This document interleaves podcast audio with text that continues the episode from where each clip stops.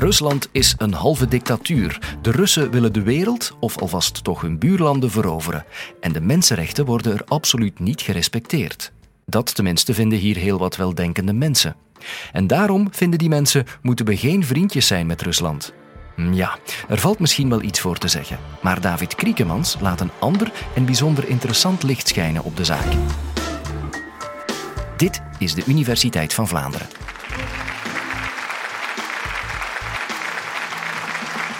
Het gaat niet goed in de relatie tussen Oost en West. Er is een diep wederzijds wantrouwen. Het Oosten is de Russische Federatie. Het Westen zijn de Europese landen, wij dus, samen met de Verenigde Staten. De NAVO, of de Noord-Atlantische Verdragsorganisatie, die in 1949 is opgericht tegen toen het communistische gevaar. De relaties zijn slecht. Kijken we maar naar wat er de afgelopen tien jaar is gebeurd. De Georgische oorlog, waar de Russen zijn binnengevallen. Kijken we bijvoorbeeld maar naar de Oekraïnse oorlog. Het is opnieuw oorlog in Europa, in Donetsk-Lugansk. De afscheiding van de Krim. Kijken we naar de situatie in Syrië, waar Rusland zich presenteert als een alternatieve veiligheidsmacht in de regio. Kijken we maar naar ons nieuws vandaag. De aantijgingen dat de Russen infiltreren in onze eigen democratie via social media, hacking en andere. Ik kom hier twee stellingen verdedigen. De eerste stelling is dat eigenlijk de Russische federatie volgens mij eerder een defensieve actor is in plaats van een offensieve actor. Dat ze eigenlijk reageert op de westerse politiek van de laatste dertig jaar. En tweede stelling, dat onze sanctiepolitiek die we gevoerd hebben de laatste jaren, vooral sinds de Krimafscheiding, dat die sanctiepolitiek niet werkt.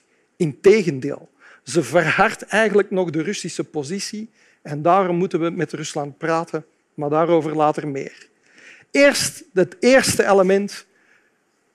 Rusland reageert eigenlijk defensief. Daarvoor moeten we gaan naar het einde van de Koude Oorlog en moeten we helemaal terug naar Mikhail Gorbachev.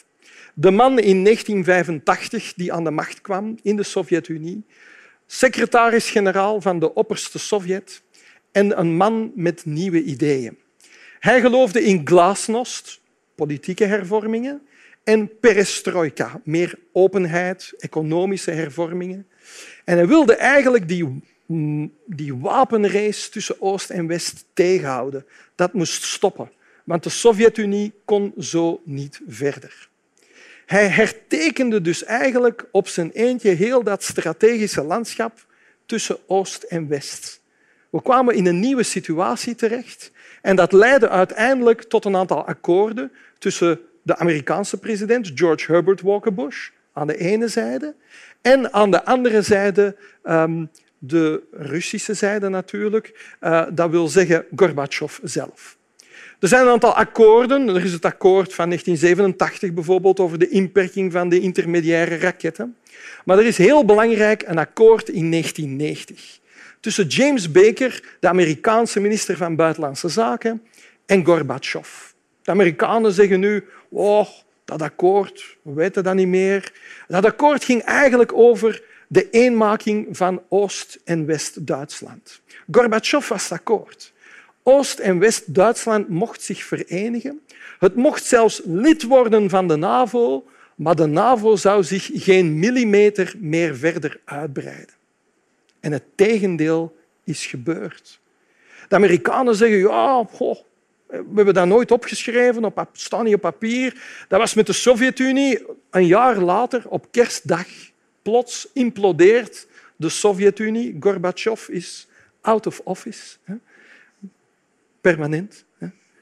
De Russische federatie wordt de opvolgerstaat. Wat moet er nu verder gebeuren? En dan komen we eigenlijk in de jaren 90 zelf, als Bill Clinton Amerikaans president is en al vrij snel in zijn tweede ambtsperiode op zoek is naar successen in de buitenlandse politiek. En hij gaat voor een uitbreiding van de NAVO.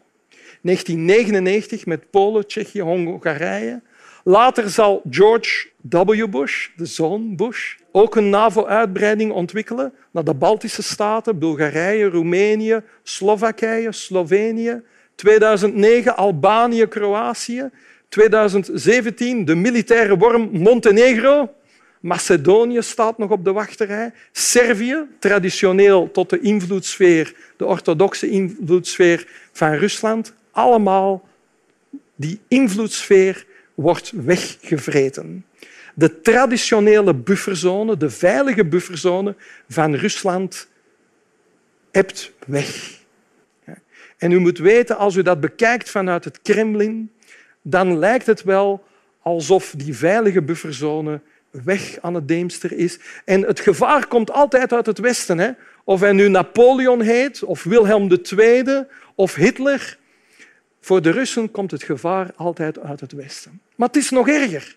In de jaren 2000 zijn er de zogenaamde kleurenrevoluties, waarbij we nu weten dat George W. Bush geld gaf via zijn ministerie van Buitenlandse Zaken aan een NGO, Freedom House. En de opdracht van Freedom House was de oppositie organiseren in het nabije buitenland van Rusland. We hebben de zogenaamde rozenrevolutie in Georgië. Die is er niet toevallig gekomen. Hoor. De Amerikanen hebben, die, hebben ervoor gezorgd dat die geleidelijk aan kon opborrelen. En meneer Saakashvili komt daar aan de macht, westers gezind. In 2004 heb je de Oranje Revolutie in Oekraïne. Meneer Yushchenko, de man die later nog vergiftigd is. Dus met andere woorden, weer een westers gezind regime dat aan de macht komt. En ten derde de uh, tulpenrevolutie in Kirgizië. Bekijk dat vanuit Moskou. En u krijgt een gevoel van claustrofobie. Omsingeling. In de Engelstalige literatuur encirclement. Of om het op zijn Duits te zeggen, zoals de Duitse geopolitieke school in de jaren dertig, Einkreisung. Je krijgt er de rillingen van over je lijf. Einkreisung. Het gaat misschien veel verder dan dat. Misschien wil het Westen gewoon wel regime change in Moskou zelf. Want dat is de bedreiging. En als we het dan terug hebben over Georgië en Oekraïne en over de uitbreiding van de NAVO, dan komen we weer terug naar 2008. Want die landen die willen vandaag nog altijd officieel lid worden van de NAVO. En het is eigenlijk mevrouw Merkel, die trouwens ook Russisch kan, is onze beste Europese diplomaat eigenlijk. Als het gaat om Poetin, zij zegt nee. Geen uitbreiding van de NAVO, want, zegt ze, het zou instabiliteit in de NAVO kunnen brengen. En meneer Poetin heeft dat goed begrepen. Aha, dat is dus wat er moet gebeuren. De strategie van Rusland sinds 2008, zes maanden na die beslissing van de NAVO, dus het blokkage, het veto van Merkel, zes maanden later is er in augustus 2008 de interventie van de, de Russen in Georgië.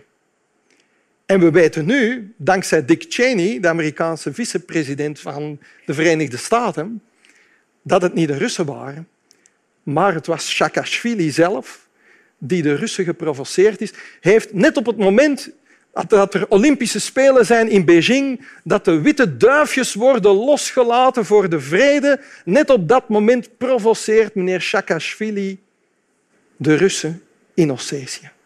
En de Russen vallen onmiddellijk binnen. Die hebben troepen in Noord-Ossetië. Zij blokkeren het land. Abhazie, Zuid-Ossetië worden de facto afgescheiden van het land. Poetin zendt een boodschap naar het Westen. Maar blijkbaar is die boodschap niet helemaal aangekomen, want een zekere Karel de Gucht, zo ergens in 2013, is commissaris van Handel van de Europese Unie en gelooft eigenlijk dat de Europese Unie verder moet uitbreiden. Oekraïne is potentieel lid van de EU, uh, maar ook we moeten relaties aangaan met Oekraïne. En hij gaat dus onderhandelen, uh, maar vandaag zegt Karel de Gucht bijvoorbeeld letterlijk ook wij beseften onvoldoende dat vanuit de perceptie van Rusland die louter voor ons economische onderhandelingen ook geostrategische consequenties hadden. Wederom ziet Poetin dit als een gevaar. Enkele maanden later, zes maanden later, heb je de inval van de Russen in Donetsk-Lugansk in mei. In maart van 2014 zorgt hij ervoor dat de Krim zich afscheidt van de rest van de Oekraïne. Permanente instabiliteit in de Oekraïne om te vermijden dat de NAVO nog verder uitbreidt. En dat is de situatie waar we vandaag in zitten. De westerse reactie is er een geweest van sanctiepolitiek. Harde sancties uh, ten aanzien van het entourage van meneer Poetin. Zo, hè. Dus de, de, nauw, de getrouwen, dus de echtgenotes, kunnen niet meer gaan shoppen in Parijs, helaas. Hè. Um, dat wordt een beetje moeilijk. Maar niet alleen dat. Uh, sancties ten aanzien van de wapenindustrie, sancties ten aanzien van de olieindustrie, maar de gasindustrie, ja, we hebben de Russen eigenlijk nodig voor gas. Dat is een beetje moeilijk. Maar we gaan toch zeggen tegen de Russen dat we zo ongeveer tegen 2018, 19 zo, dat we 25 procent minder aardgas gaan importeren uit de Russische federatie. Wel een paar maanden later, dat is trouwens een uitspraak van Herman van Rompuy, die toen eh, vaste voorzitter was van de Europese Raad, een belangrijke beleidsdaad. Maar slechts enkele maanden later verpatst Poetin reeds dat gas aan China. En dus eigenlijk wat doen we? We duwen gewoon de Russische federatie richting China. Die worden slapend rijk. En de Eurasiatische machten consolideren zich verder. Dat is eigenlijk het gevolg van onze sanctiepolitiek. Maar het wordt nog erger. Want die sanctiepolitiek die bijt de Russische federatie veel harder dan we zelf wel denken. Tien jaar geleden had de Russische federatie dankzij haar olie- en gasinkomsten, u weet er is zo'n piek geweest in de olie- en gasprijzen zo rond 2007, 2008. Rond die periode is Rusland in staat niet alleen om haar buitenlandse schulden af te kopen, schulden ten aanzien van Duitsland en anderen. Trouwens, op dat moment wordt Rusland ja, sterker in de internationale politiek. Ze kan zelfs een reservefonds opbouwen van 80 miljard dollar ongeveer. Wel nu, dat geld is allemaal op. Het is er niet meer. Op vier jaar tijd heeft Poetin het erdoor moeten jagen om de sancties te verzachten ten aanzien van zijn eigen bevolking. Er blijft nog één potje over. 66 miljard dollar, het welvaartsfonds. Eén klein probleem. Dat zijn de toekomstige pensioenen. Weet u dat meneer Poetin momenteel een zogenaamde pensioenhervorming aan het doorvoeren is? De gemiddelde Rus eh, die leeft maar tot zijn 62ste, als u begrijpt wat ik bedoel. Iets te veel gedronken. Wel, ehm, de pensioenleeftijd voor de mannen zou opgedreven worden naar 65. Oeps, drie jaar te laat. U voelt het al. Er zijn opstanden links en rechts in de Russische federatie. Men, kan ze, men probeert ze op dit moment nog te onderdrukken. Maar de situatie is eigenlijk veel ernstiger dan we wel denken. En in mijn mening, als Rusland geen opties meer heeft, zou ze wel eens kunnen uithalen. En dat is eigenlijk de situatie waar we vandaag in zitten. De vraag is, gaan we verder met die sanctiepolitiek, die als die analyse van mij klopt, dat Rusland eigenlijk eerder defensief reageert dan offensief, eigenlijk dat het de core, de, de, de, de basisoorzaak is een diep wederzijds wantrouwen tussen beide kampen. Als die analyse klopt, dan moeten we misschien nadenken om in plaats van... Natuurlijk, we mogen geweldsdaden van de Russische federatie nooit goedkeuren. Uiteraard niet. Maar we moeten misschien wel eens een keer iets anders proberen te praten met de Russische federatie. De vraag is wat en hoe en kan dat? Wel, we zullen Rusland nog altijd erg nodig hebben op het vlak van energie. Dat is wel duidelijk. Het blijkt zelfs uit onze eigen sancties. Dat we ze erg gaan nodig hebben, nog altijd op het vlak van aardgas.